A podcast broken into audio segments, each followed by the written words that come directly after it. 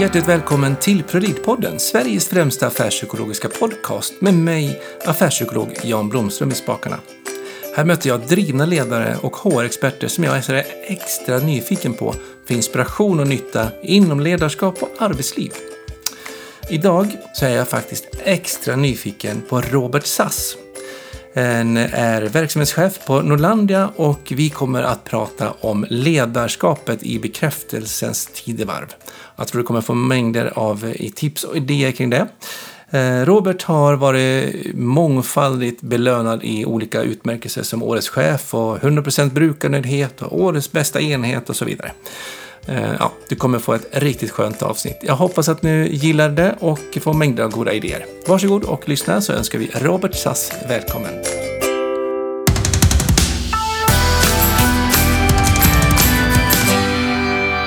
Hjärtligt välkommen till ProLead-podden säger jag till Robert Sass. Jättestort tack. Det eh, ska bli jättespännande att få ta del av dina resonemang och sånt där. Jag har fått en riktigt skön föraning om, om dig. Och vi ska idag prata lite om ledarutmaning i bekräftelsens tidevarv, är tanken. Det eh, ska bli spännande att ta del av det. Kan inte du berätta lite kort, vad är du för filur som vi har med oss på tråden? Jag är nog en väldigt enkel, öppen, ödmjuk person. Nu låter det nästan som att man skriver ett litet CV här på andra sidan. Men, Variant. Eh, ja. Men eh, har jag väl jobbat inom äldreomsorgen i, i, några år. Har burit med mig ett antal utmärkelser under den tiden. Eh, och det är ju tack vare att man har haft otroligt engagerade medarbetare, ledningsgrupp som man tillsammans då har arbetat fram en, en viss förändring med. Mm. Så det är väl, jag är väldigt, väldigt korta drag. Ja, för du har blivit både årets ledare, du har fått årets bästa enhet, ni har fått 100% brukarnöjdhet och massa andra utmärkelser. Så det är ju någonting som ni har gjort som är riktigt rätt, tänker jag, tillsammans. Det. Eh, men eh, om du liksom, vad, vad, vad, det man får andra personer att bidra till en hemskt bra, skön tillväxtmiljö, liksom, vad, vad, vad, får, vad tänker du spontant till att få människor att växa? Jag tror att utmaningar får människor att växa, att man helt enkelt vågar problematisera lite situationer. Eh, den, den, traditionella ledarkaraktären tror jag är att den ska ha svar på frågor men någonstans så får man väl komma till den insikten att man, man har inte svar. Och eh, genom, om personalen kommer med en fråga, att försöka bolla tillbaka den frågan med en ny och tillsammans komma fram till något gemensamt svar. Det, det tror jag verkligen är både utvecklande för medarbetaren och för den som ansvarar för verksamheten. Ja, för jag tänker ju att eh, jag har ju suttit på en anställningsintervju hos dig då, om jag jobbar hos dig, och sagt att anställ mig, jag är den som är bäst av alla andra som har sökt den här tjänsten till att leverera lösningar på uppdraget. Mm. Och någonstans har jag ju sålt in den så pass bra så att jag har blivit erbjuden jobbet hos dig. Och då borde det vara ganska rimligt att jag också är med och löser problemen som uppstår. Och inte tro att gå in till dig och få svaren löst åt mig.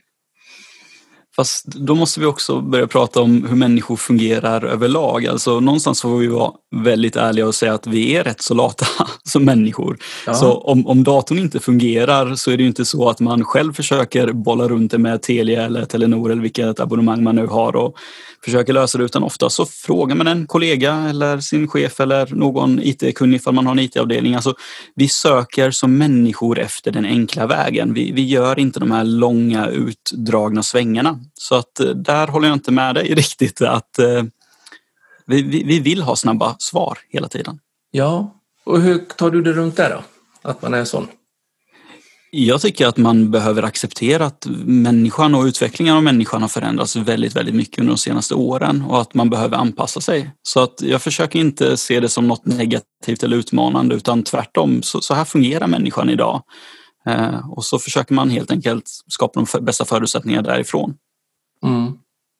Om du tänker, liksom, du säger att eh, så fungerar människorna idag. Är det liksom de som är unga idag eller är det oss allihopa idag? Jag tänker vi, vi skulle prata lite grann kring det här med eh, bekräftelsebehovet, eh, mm. hade vi diskuterat innan. Och om, om vi bara börjar med att definiera min bild av, om vi tar personer som är födda sent på 80-talet, 90-talisterna och millennials, så är det ju de här människorna är uppvuxna med att kontinuerligt stimuleras. Alltså vi har tillgång till television, till telefon, till eh, olika sociala medier. Samtidigt som vi också har fått otroligt mycket bekräftelse. Alltså av 24 timmar har vi sovit 8 timmar och 16 timmar har vi helt enkelt fått, be, fått oss själva bekräftade mm. under väldigt lång tid. Samtidigt som vi också varit väldigt, väldigt stillasittande i jämförelse med hur folk var för 40-50 år sedan. Mm. Så om man har den bilden som utgångspunkt om hur människor är så måste man också på ett sätt anpassa sin verksamhet efter de här generationen som kommer komma in på arbetsmarknaden eller redan har börjat sina karriärer på arbetsmarknaden. Men vad innebär det då? Om man liksom är van att få den här bekräftelsen, otroligt, otroliga mängder av bekräftelse. Vad, vad, vad händer med människor då? Vad blir man? Jag tror, det finns enligt mig nu, för det här blir ju väldigt, väldigt personligt, men jag tror att det finns två sätt att driva verksamhet till att börja med. Eh, och det ena sättet det är att försöka anpassa människan efter verksamheten. Eh, ett konkret exempel på det här är, eh, tänk, tänk mobiltelefoner inom skolmiljö. Det behöver inte ens vara arbetsliv. Nej. På början av 2010-talet så skulle det vara förbjudet för studenter att ha mobiltelefoner i skolan. Och här är det här typiska att man försöker ändra människor till att passa verksamheten, alltså till skolmiljön. Och man tar inte hänsyn till att de här människorna har inte så, de, de är inte så unga, eller ursäkta, de är väldigt unga, så de kanske inte har det konsekvenstänket eller kanske viljan att, att studera så hårt. De kanske är vana vid att ha telefonen 16 timmar av deras vakna tid. Mm. Eh, och då har man inte tagit hänsyn till människan, men man förväntar sig helt enkelt att de ska följa de direktiv som ges. För att bara dra en, en jättekort exempel så kan vi ta det här klassiska med Nokia. Det är ju samma sak där. Där var det en väldigt tydlig styrning. Så här ska vi arbeta och de som blir anställda, ja, men de skulle passa in i ledet. Så det finns ju väldigt många exempel där man försöker förändra människan mot verksamheten där det inte har fungerat. Det andra sättet är då tvärtom, då, alltså att försöka anpassa sin verksamhet någorlunda mot hur människor faktiskt är idag. Mm. Och om man då har den här stora bekräftelsens behovet, eh, så hur gestaltar det sig på en arbetsplats idag? Jag tror att flera människor vill till exempel självförverkliga sig själva i större utsträckning än, än vad man kanske hade eh, som, som grundidé förr i tiden. Alltså vi är mer benägna att eh, kanske byta arbetsplats om värderingar, om normer, om kulturen inte stämmer överens med, med vad vi egentligen eftersträvar själva. Mm. Eh, så vad, vad det gestaltar, det, jag tror att vi har stora personalruljanser i företag där man inte ser människan för eh, hur den faktiskt är idag. Och jag tror att företag som arbetar mer efter det här att man anpassar människan efter verksamheten, jag tror inte de kommer finnas kvar om en 30-40 år.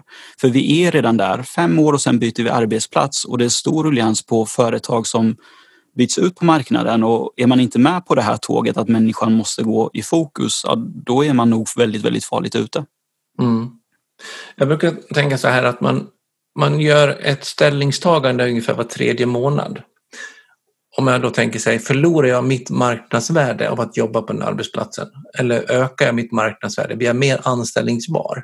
Alltså får vidga mina repertoarer, jag får liksom kompetensförkovra mig, jag får liksom jag är i en miljö där man snackar gott om arbetsplatsen så att man liksom, det blir liksom en, en aura runt mig som är positiv. Mm. Eh, och har jag då, jag bestämmer mig, okej okay, nu kör jag tre månader till och sen omvärderar man. För man har inte råd att vara på en arbetsplats som försämrar mitt konkurrensläge. Eh, däremot, när man är där de där tre månaderna, då har jag ett tydligt femårssyfte. Det var alltså, vad är verksamhetens mål om fem år? Så jobbar jag mot ett långsiktigt mål, även om mitt personliga kontrakt är hemskt kort. Hur tänker du kring när jag resonerar så?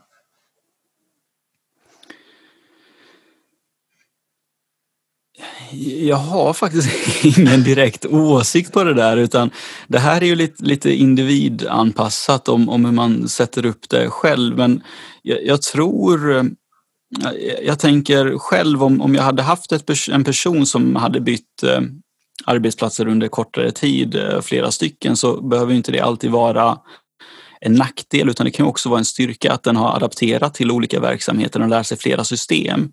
Mm. Eh, sen om jag bryter upp det på den här femårsplanen så var jag inte riktigt med så den, den kan vi gärna fördjupa oss lite i hur du tänkte där.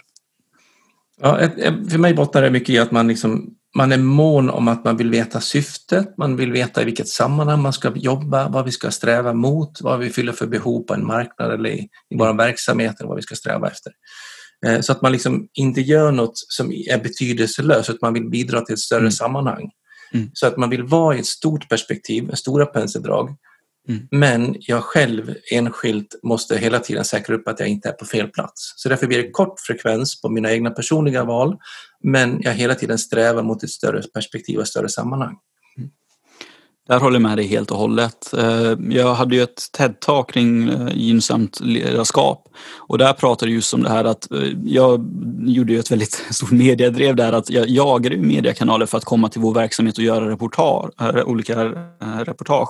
Och ja. det gjorde de ju faktiskt också till slut. De, de hade en av de här reportagen var med rubriken en mittensida uppslag med rubriken De har nyckeln till en lyckad äldreomsorg.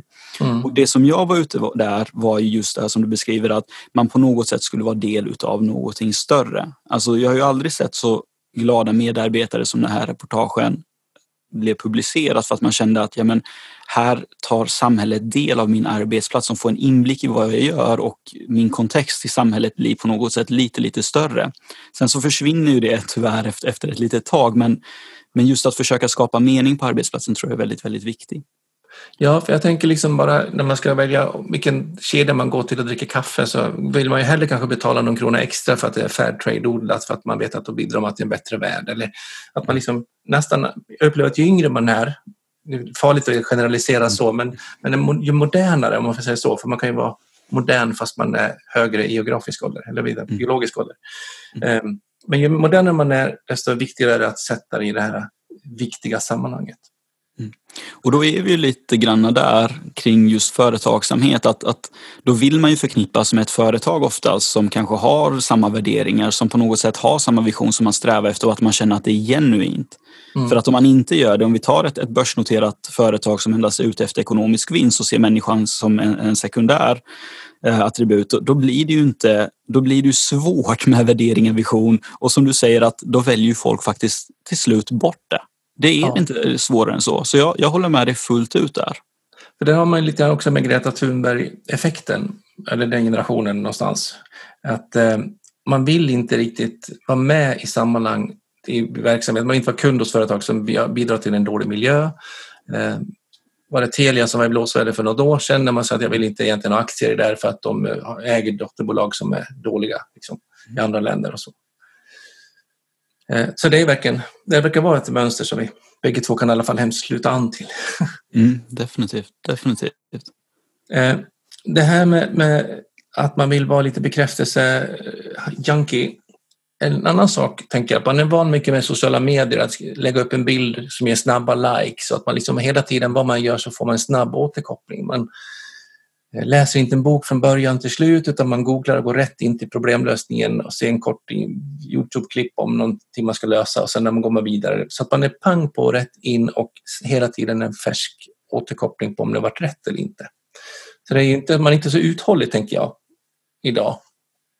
Ehm, dels, tänker du lika kring det eller har du någon annan tanke kring den? Nej, jag, jag är helt med. Jag är ja. helt, helt med. Och då tänker jag att då händer ju någonting när de kommer ut på en arbetsplats som där man kanske är anställd för att egentligen producera någonting som en mer eller mindre löpande band eller så någonting som att det här ska bara göras. Det är liksom inte så mycket att ge feedback och ge snabba återkopplingar kring. Eh, hur, hur, kommer man liksom, hur kan man ge dem näring och tillmötesgå deras behov av den snabba kicken? Trots att det kanske i karaktären av jobbet inte har den kicken. Har du några tankar kring det? Eh, då hade jag velat gå tillbaka och exemplifiera mer på vad en verksamhet som, som har människan i fokus skulle kunna göra. För, för om vi pratar om, om vi tar industrisektorn som ett exempel. Ja. Där är det ju, jag själv har jobbat otroligt mycket inom industrisektorn och det är väldigt monotont arbete. Eh, och det är ju väldigt lite bekräftelse som man får, speciellt på den operativa nivån. Nu pratar jag återigen det från egen erfarenhet, det kan finnas andra verksamheter där ute. Men jag tänker där att, att någonstans så måste man beakta att världen är på ett annat sätt. Vi har, om vi tar en person som är 20 år, den har varit stimulerad, hela tiden haft tillgång till mobiltelefon, till datorer, till information som du själv sa och så helt plötsligt så ska man ta bort allt det här i åtta timmar för att man ska göra en monoton rörelse kontinuerligt. Mm. Alltså, det, det, är inte så att industrisektorn kommer gå under för det kommer finnas människor som accepterar det här. Men du kommer inte kunna skapa en engagerad människa. Som, den här 20-åringen kommer ju aldrig om man har blivit uppfostrad i det här, man är van vid ett visst flow och så kommer man till någonting som är helt tvärt emot. Alltså det tar längre tid att acceptera. Mm. Så om, om, man nu skulle vara, nu, nu bara brainstormar jag här, men, men jag tänker att om man inom industrisektorn skulle jobba med gamification till exempel som är ett väldigt nytt fenomen att eh, ja, men alla medarbetare roterar runt. Man har inte mer, eh, samma maskin mer än en månad. Mm. Eh, och så får man helt enkelt, om, om det är så att någon kan vara mentor i alla maskiner så blir man grand master på arbetsplatsen. Nu, nu låter det här kanske löjligt och väldigt många inom industrisektorn skakar på huvudet men Visst, det, det, hade skadat kvalitet och produktion i början för att ingen kan alla maskiner så att det hade inte haft den här direkta effekten som man kanske önskar. Men, men om vi tar det här att man hela tiden byter maskin och så sätter vi det i paritet till att ja, men vi har hela tiden blivit stimulerade i 20 år. Vi är vana vid förändring, vi är vana vid att hämta information. Ja, då kanske det inte är så dum idé trots allt. Men det är ju det här att någonstans så måste eh, de flera sektorer ta sitt, sitt ansvar här och försöka bygga mer verksamheter som är lika de människorna. Och där vill jag också bara vara jättetydlig för att det här betyder ju inte att man ska försöka bygga en verksamhet utifrån tio persons perspektiv för då, då bygger man ju in sig.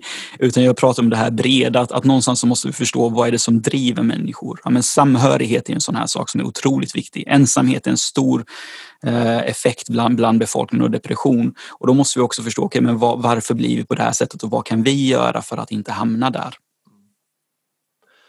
Och jag, jag tänker, du jobbar inom äldreomsorgen mycket också. Och där har jag varit inne och konsultat en hel del. Och det som också varit, tycker jag, jättetydligt i den världen så har det varit att man, man jobbar på den våningsplanen som man är och det är jättesvårt att gå över och hjälpa till på nästa våningsplan. Eller att man jobbar på A-sidan och det är jättesvårt att gå över och hjälpa till på B-sidan även om de har jättemycket att göra. Mm. Och det är egentligen samma sak som det här med rotationerna på industrin. Och där kan jag tycka att många gånger så har industrin kommit längre med arbetsrotation, alltifrån med sjukgymnastiska arbetsmiljöaspekterna eller yrkesinspektörerna eller allt vad de heter, eh, där man går in och verkar jobba med belastningsskador i kroppen. Men när det gäller våra mentala belastningsskador i form av att vi inte roterar tanken, inte byter grepp och perspektiv och, och sådana saker. Där har vi kommit lite kortare, eh, min erfarenhet. Ehm, hur tänker du kring det? Jag håller med dig och för, för mig så blir det också det här att då är vi lite där som, som den här frågeställningen börjar att man, man kanske pekar med hela handen som företag att du ska rotera och då tycker jag återigen då, då är du där med mobilexemplet i skolan. Då säger du åt medarbetarna vilket håll de ska gå och hur de ska ja. göra och jag tror inte det är rätt väg. Eh, om, om jag bara får dra en, en liten metafor här att mm. min, min, egen mentor eh, berättade en gång att, att om man ska göra en förändring så får man nästan se att det är en liten, liten boj på havets eh, topp och sen så är det ett ankare som den här bojen då sitter fast med. Den här bojen kan dra lite grann åt vänster, den kan dra lite grann åt höger, den kan gå fram och bak. Men för att förändra någonting så måste man ta ett långt, långt djup ner, plocka upp det här ankaret, ta några få steg, sen simma upp igen för att ta ett nytt andetag. Mm. Och lite det här om, om vi tar som du sa att man inte vill byta våningsplan.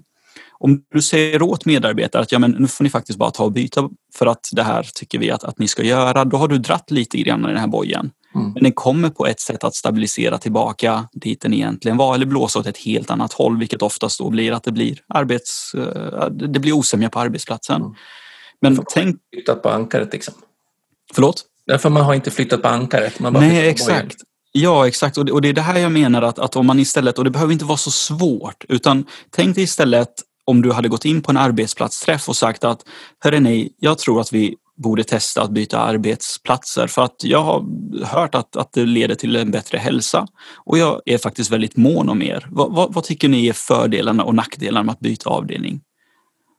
Mm. Och bara den frågeformuleringen, du kommer säkert få ett jättemotstånd. Men du har ändå på något sätt börjat ta de här dyktagen ner mot ankaret. Mm. Och jag tror det är det här som vi glömmer för att jag, jag kan själv titta på mig själv. Jag, jag, har många exempel när jag har varit en väldigt, väldigt dålig ledare. För att det går så snabbt, det är så mycket och det ska hela tiden levereras.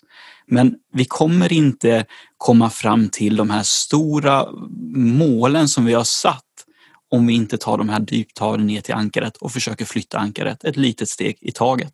Mm.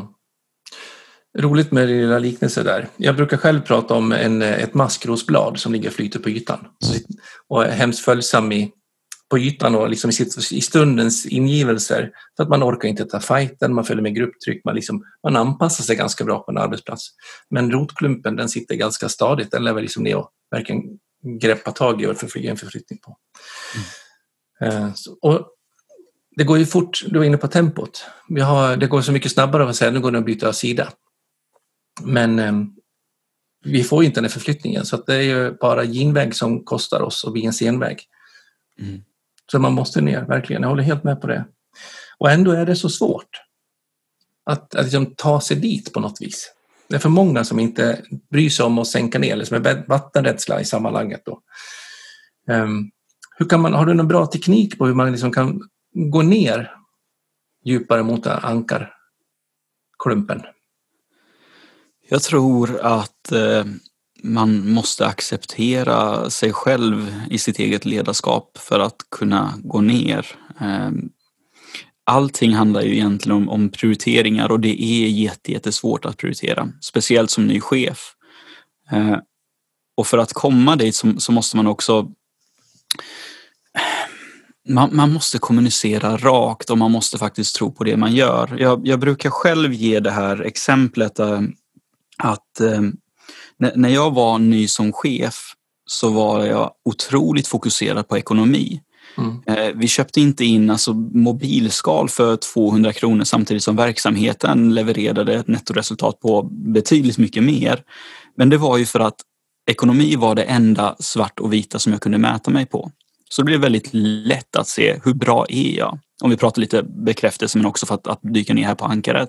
Mm. Och, och, det är det här jag menar att, att någonstans så tror jag att vi tappar väldigt, väldigt många bra chefer för att eh, vi, vi ger inte dem bekräftelsen. Det är svårt att bekräfta en ny chef för den, den är inte testad. Och då tappar vi väldigt många av de här bra människorna som hade orkat göra de här långa andetagen och djuptagen ner. Eh, så för att komma till det här stadiet så tror jag att man får acceptera sig lite granna i, i sin egen roll att ledarskap är mjuka värden. Jag kommer inte bli bekräftad, men jag har i min position, i det mandatet jag har blivit givet, så är jag den enda människan som kan påbörja den här stora förändringen tillsammans med min personal. Och man måste verkligen känna det här, upplever jag. Och när man väl känner att ja, men jag har möjlighet att göra en liten skillnad som kommer leda till ett bättre liv för många andra. Nu tar jag den här chansen. Ja, men då, då, då börjar den här resan att okej, okay, men då dyker vi tillsammans ner. Mm. Och att man dyker tillsammans. Man tar de där frågorna. För jag tänker också vi krånglar till saker gärna på arbetsplatserna. Hela men, tiden. Hela men, tiden. ja, och att man ska någonstans få prestationsångest för att man ska liksom hitta de rätta orden, den rätta frågan och den universallösningen som löser allt. Men eh, bara som du säger, att accepterar man sig själv och att man inte är särskilt viktig. Jag brukar säga att min, man, är, man är helt oviktig som chef. Så pass oviktig så att det är därför jag gör att det blir viktig. Mm. Eh, så att för då blir de andra att ni tillsammans bara hjälps åt att hitta klokare lösningar ihop. För hur klok jag än är så är det alltid vår samlade hjärnkapacitet mycket större när vi involverar fler. Vi har bara en, en hjärna och den ser bara ur ett perspektiv. Verkligen. Um, men det gör då att man kommer kanske ner över, klar prestigen, lägg lite, Klasen naken på, på, på, på, metaforiskt i alla fall och, och liksom blottlägg situationen och säga okej okay, nu dyker vi ner och ser vad vi kan åstadkomma tillsammans.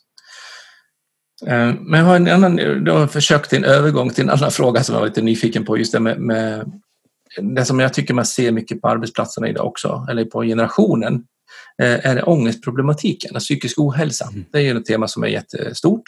Eh, hemskt många mår dåligt, man är stressade, man är deprimerade, man har mycket ångest. Och jag har slagits några gånger av att jag tycker att man, jag är psykolog i botten, och för oss är liksom ångest är ju ångest, liksom. det, då, då, är det ett stort paket. Eh, och ibland så har det gått lite inflation i att ha ångest. Det är liksom, man får en liten släng av ångest där på vägen till, till kiosken. Nu raljerar jag kanske lite för mycket, Och jag ber verkligen om ursäkt för alla ni som blir förolämpade kring det. Men det är liksom tabu att ens prata om det med ångest. För att så fort någon säger att ångest så ska man alla slå på full larmstyrka. Och du som jobbar med, med verksamhet som har mycket personal, alltså stora personalgrupper och så. Hur är din erfarenhet av det här med ångestinflation i din verksamhet? Eller har du inte alls sett den? Liksom? Om det går bra så kan jag gärna svara på den frågan från ett privat perspektiv. Ja. Eh, för jag, jag, har ju fått väldigt många utmärkelser och på pappret så ser det ju otroligt bra ut. Jag är precis nyligen fyllt 30 år så jag har ju en, en lång yrkeskarriär kvar. Men en sak som, som verkligen jag tycker speglar, speglar sanningen väldigt bra det är kvällen när jag tog emot priset som årets ledare var den absolut bästa natten, kvällen i mitt liv. Jag var lycklig, jag var euforisk, det var, det var fantastiskt. Mm. Veckan därefter så har jag aldrig mått så dåligt i hela mitt liv. Eh, för vad skulle jag kunna åstadkomma nu? Vad skulle jag kunna göra som överträffade det där som jag precis hade gjort? Kunde de ta emot mig? Jag vet att jag mejlade Nyhetsmorgon-soffan där flera gånger och fick inget svar. Och jag kände bara, nu har jag gjort det. Och det som spann på på det här var också att nu kanske någon kommer och knackar mig på axeln och faktiskt säger att, vet du vad? Vi har kommit på att du är en bluff. Mm. De här känslorna Eh, och återigen, för här vill jag spegla att allting på pappret, allting utåt när det kommer till mig som person är ju väldigt, väldigt positivt, väldigt, väldigt bra. Jag försöker också vara väldigt glad när jag träffar människor. Men det betyder inte att, eh, att jag och den generationen som, som, som jag befinner mig i, jag tror att vi upplever väldigt, väldigt mycket mer ångest. För att inte nog med det här som du berättade att ja, men vi kan hitta kunskap hela tiden. Vi kan också nu hitta saker att mäta oss mot och vi kommer aldrig vara tillräckliga. Vi är beroende av bekräftelsebehov, vilket betyder att vi kommer aldrig nöja oss med det lilla vi har. Nej. Och blir det då en, ett vakuum av den bekräftelsen eller det veckan efter utmärkelsen? Då blir det ett vakuum som gör att man inte, det blottlägger ju såret någonstans, alltså behovet, det svarta hålet som man behöver fylla med någon typ av bekräftelse. Ja, och det är ju den som blir så svår. För om, om, om jag tänker på den här tanken till exempel då att, eh, att jag, jag väntar på någon dag när någon kommer knacka mig på axeln och säger vet du vad, vi har kommit på att du är en bluff. Mm. Den tanken är ju i princip helt irrationell. För det, finns, det spelar ingen roll om jag pratar med 100 eller 200 människor som bekräftar mig eller som berättar vad jag nu vill höra. För jag kommer aldrig någonsin kunna komma fram till svaret på den frågan. Jag kommer aldrig kunna förutspå vilken dag, ifall det ens blir en dag, någon kommer och knackar mig på axeln eh, och säger att jag är en bluff. Så det betyder att, att om inte jag handskas med den här känslan så finns det fria förutsättningar för att den här negativa spiralen bara ska mala på, för det finns inget slut. Mm. Och, och, Det är väl lite grann det här som jag känner att jag, jag kan ju vissa dagar verkligen känna att ja, men jag har hjärtat på rätt plats. Jag drivs av att, att verkligen kämpa för en, en bättre vård och omsorg och jag vet att jag har lagt ner min själ för att det ska bli bra. Det är ju därför vi har fått de här resultaten. Jag mm. kan tänka rationellt. Men, men någonstans under min resa har jag också fått processera att tvivel är en del av, av mitt ledarskap i alla fall. Det kommer finnas, den, den där rösten kommer finnas där väldigt, väldigt länge. Men jag måste börja arbeta med den för att om jag inte arbetar med den så är det, det finns bara egentligen ett väldigt, väldigt drastiskt utfall utav det ifall jag fortsätter att, att tänka i de här negativa banorna. Mm. Jag tänker också att man, mycket av den feedbacken och bekräftelsen man får i ett modern eller yngre tillvaron idag, den är ju en friserad bild med allt från Instagram-bilder och partyn man är på eller vad det nu är vi lägger upp på, på de sociala medierna. Och den sanna bilden är vi ganska klen på att göra, lägga upp. Eh, plus att det alltid är någonting när man presterar, alltså en aktivitet som man får feedback eller likes på. Mm. Eh, däremot när man bara är Eh, när man liksom bara är, bara är Jan liksom, så, så likar ingen på det för att det lägger jag inte ens upp. Och den är kanske inte riktigt redigerad nog att lägga upp heller. Och då blir man ganska ringrostig att hantera den sidan. Um, tänker jag. Så att det, det tror jag också ligger i att om inte jag då presterar så finns jag inte. Utan, har man då kommit i mål efter en stor utmärkelse eller att man liksom inte får den här feedbacken på min prestation, då ramlar det tillbaka till min egen självkänsla. Som, ja, men vem är jag då? Är jag sann? är det någon i världen som inte tycker om mig så har de säkert rätt. För att är det 300 som har gett dig beröm och en säger att du var en bluff så är det den man lyssnar på. Och vad är det som gör att vi tillskriver den rösten, eventuella rösten som kanske kommer någon gång i framtiden, sån otroligt stor tyngd? Det är inte alltid så, så självklart, så den behöver man kan jobba med att hitta svaren i sig själv, tänker jag, rent terapeutiskt. Eh, att liksom, eller med sig själv åtminstone. Eh, att liksom hitta liksom att sitt värde även om man inte presterar. Men om jag hade varit din chef eh, och du har haft den här eh, inre rösten som, som jagar dig lite grann och spökar. Vad skulle jag behöva göra som chef för att du ska kunna må och prestera bra? Då tror jag innerligt, för, för min del så hade det varit att vi arbetade för en arbetsplats där människan faktiskt är i fokus. Där, där kund och brukare är i fokus och sen bygger vi verksamheten därifrån. För det är det som är min vision och värdegrund. Jag, jag vill ju jobba för att göra skillnad. Jag vill ju verkligen jobba för att några människor ska ha det lite mer värt i slutet av sina liv.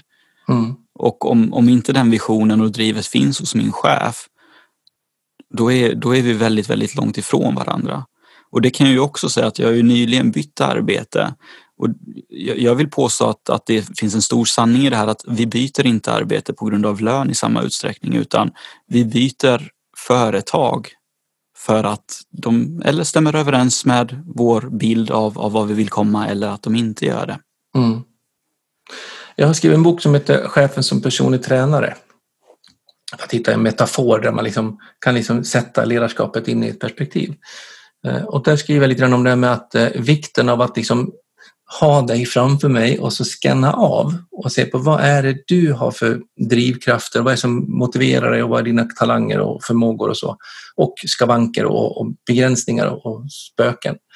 Så att man verkligen hittar din drivkraft. Och då tänker jag att om du verkligen brinner för att det ska bli ett värdigt äldre liv och så, då är det verkligen att fånga upp att det måste vi prata mycket om, om jag har haft dig som medarbetare. Alltså vad förverkligar, vad är det vi levande gör på vår arbetsplats?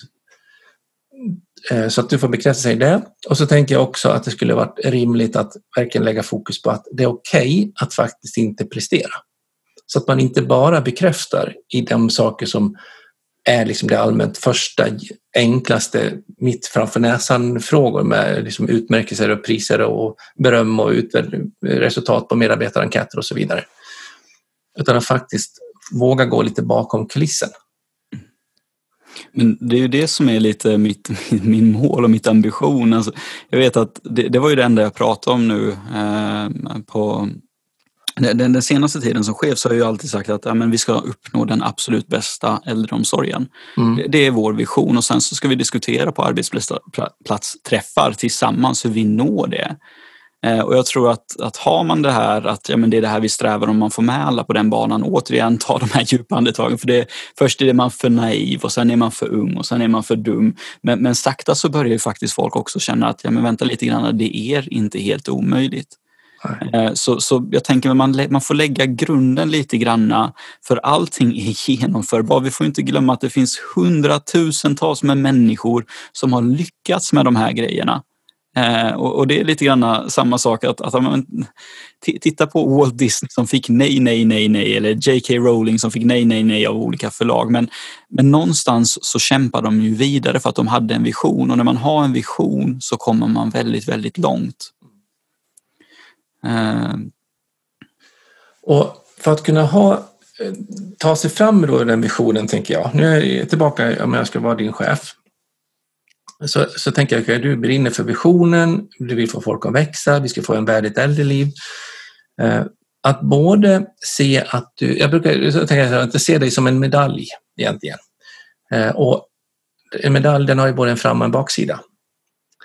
Och att verkligen, framsidan är ju att drivas av det här med högre syfte och få människorna att växa baksidan, skuggsidan på den medaljen är ju lika stor. Alltså ju större egenskaper du har på framsidan på medaljen desto större har du också skavankerna, alltså nacksidan, baksidan på medaljen. Mm. Har du bara en liten egenskap och en liten drivkraft i det här, ja men då är det också ganska liten nackdel av den där medaljen på baksidan, alltså en liten baksida.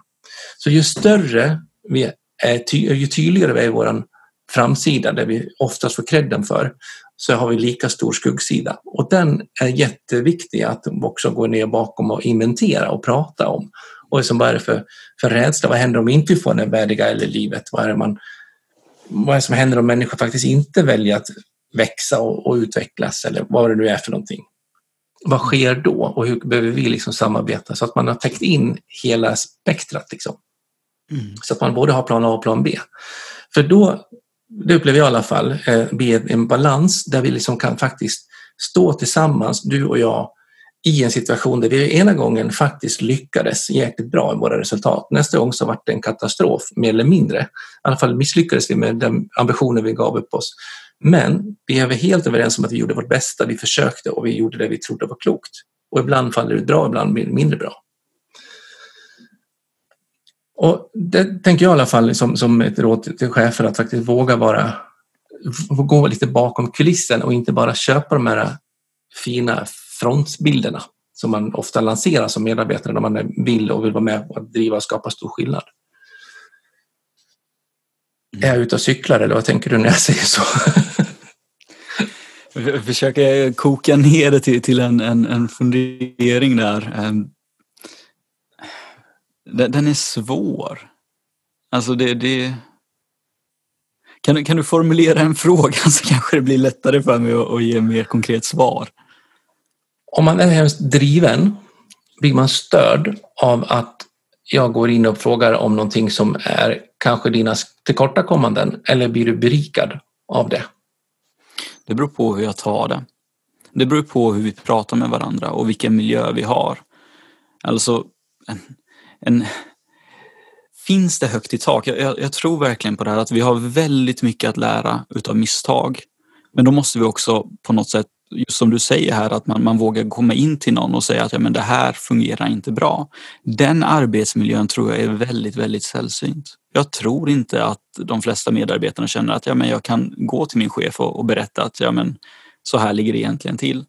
Men, men om man jobbar fram det här, att man har högt i tak och inte bara att man har det, att man säger det för alla verksamheter som du hade frågat har ju självklart högt i tak, men där man verkligen efterlever det och du väl får den här feedbacken, då är nästa steg som chef eller som ledare eller om det är någon annan sjuksköterskan eller industri, alltså projektledaren inom el, vad som helst.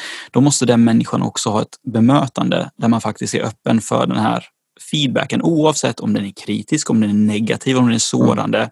För att om vi inte har den här öppenheten också inom verksamheten, då, då, det, det, är ju lätt för mig att säga att men, du håller inte med mig, då kan du lämna det här rummet. Eller du håller inte med mig, ja men då går vi vidare eller jag bestämmer ändå om det här. Men om, om, om jag låter den tanken sinka in och, och reflekterar kring det så, så finns det utrymme för väldigt, väldigt mycket mer som är bra.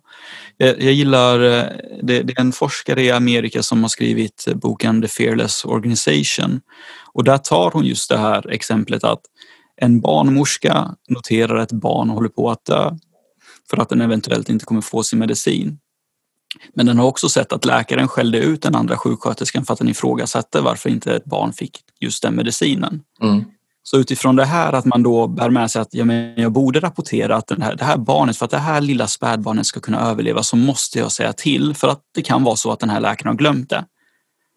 Men så gör man inte det utan man vänder den tanken för att man kommer ihåg att den skrek på sin medarbetare och så tänker man nej men läkaren kommer förmodligen komma på att läkemedlet saknas eller han har nog inte hunnit eller hon har mm. nog inte hunnit beställa den. Mm. Så att det här att, att ha ett arbetsklimat och hur vi pratar med varandra, jag, jag, tycker det är A och O. Och det är inte bara ledningsnivå utan det här måste genomsyra vartenda litet led i verksamheten och det tar tid och det kostar pengar. Men om du vill ha en verksamhet om 10, 20, 30 år, då är det där du måste, alltså då är vi där. Då måste du bygga din verksamhet efter människorna och människorna idag är mer benägna att prata känslor, de är mer benägna att ha bekräftelse, de är mer benägna att, att bli lyssnade på. Mm. Så om du inte gör det, ja, men då, då, då, då kan jag i alla fall tänka mig slå vad om, om en liten slant att, att du kommer inte ha en verksamhet om 20 år. Och eh, Det gör att man kan faktiskt inte riktigt välja det här, utan mer människans behov i fokus så kommer ni få en bättre verksamhet. Det är den enda vägen framåt. Ja, jag tror verkligen det. det och återigen, här kan det vara väldigt många som, som säger olika saker, men, men jag tror det. Och sen måste jag bara backa, svara på din fråga för jag kände att jag bara svävade ut där. Du svarar i alla fall halva på den. okay, ja, men det, Ett halvt rätt i alla fall. Ett halvt rätt, ja, absolut. Eh, jag får bättre, ställa bättre frågor nästa gång. Eh, oerhört spännande att få ta del av dina resonemang. Jag får önska dig all lycka till framöver. Och om man vill fortsätta prata med dig eller komma i kontakt med dig, vad får man ta på dig någonstans då? Man får jättegärna mejla eh, eller ringa. Det är bara, det är bara kontakta. Jag vet inte om... Robert Sass på LinkedIn och så vidare. Så hittar ja, ni exakt, exakt. Och jag tror det. För, för det, om jag bara får ta en, en, en sista där att eh, det här att, att prata om att man, har, att man har tviveltankar och att man mår dåligt. Alltså, jag är ju otroligt rädd för hur det här avsnittet kommer falla ut. Men någonstans så måste ju någon eh, börja prata om det. Så jag hoppas innerligt att, att det här blir en i alla fall något som vi blir bättre på inom ledarskap, att just prata om, om tvivel och ångest i en mycket större utsträckning än vad är er idag. Det hoppas jag verkligen också och jag tycker det är en självklar, borde vara en total självklarhet och jag vet också att det inte är det. Så att det är jättebra att du lyfter fram och vågar ta den personliga approachen. Eh, och jag brukar också resonera om det med vad man eh, det med, med liksom skapande kulturen. Eh, att man som medarbetare med fördel också kan faktiskt beställa sitt ledarskap. Ehm, så det är lättare för en chef också att säga, om jag nu är traditionell så kan, behöver du som medarbetare säga, här du Jan, du behöver faktiskt ge mig mer av det här. Du behöver hjälpa, möta mig mer i mina känslor eller så därför att jag ska prestera bra. För att vi har ett tvåpartsansvar i det, både, ni, både man som chef och som medarbetare. För att vi måste dit, det är min absoluta övertygelse också. Mm. Mm ja, jag hoppas inte jag inte får åt annat håll än vad du tänkte. Det var tänkt att bara förstärka det som du hade sagt. det kommer ut kanske lite annorlunda.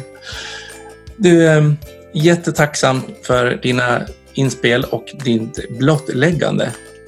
Jag hoppas du får eh, många fina stunder tillsammans med dina medarbetare framöver och att det blir många äldre som får sköna, värdiga äldre liv framåt. Stort tack. Tusen tack för att du var med. Hej! Hej. Gillar du också avsnittet? Ja, gilla, dela och kommentera då gärna ProLead på din plattform. På Facebook, Instagram, Twitter eller på LinkedIn. Och eh, var en del av vår talangaccelererande miljö. Och du vet väl också att du kan besöka oss på prolid.se för att ta del av hur vi jobbar med att talangaccelerera Sveriges arbetsliv genom de tjänster, utbildningar, böcker, bloggar och podcast som vi har. Och sen såklart, följ mig jättegärna på LinkedIn så kan vi hänga där. Eh, man vet aldrig riktigt vad våra nätverk kan ta oss vidare till. Så att eh, Jan Blomström på LinkedIn och tills vi hörs igen, ha en riktigt bra dag.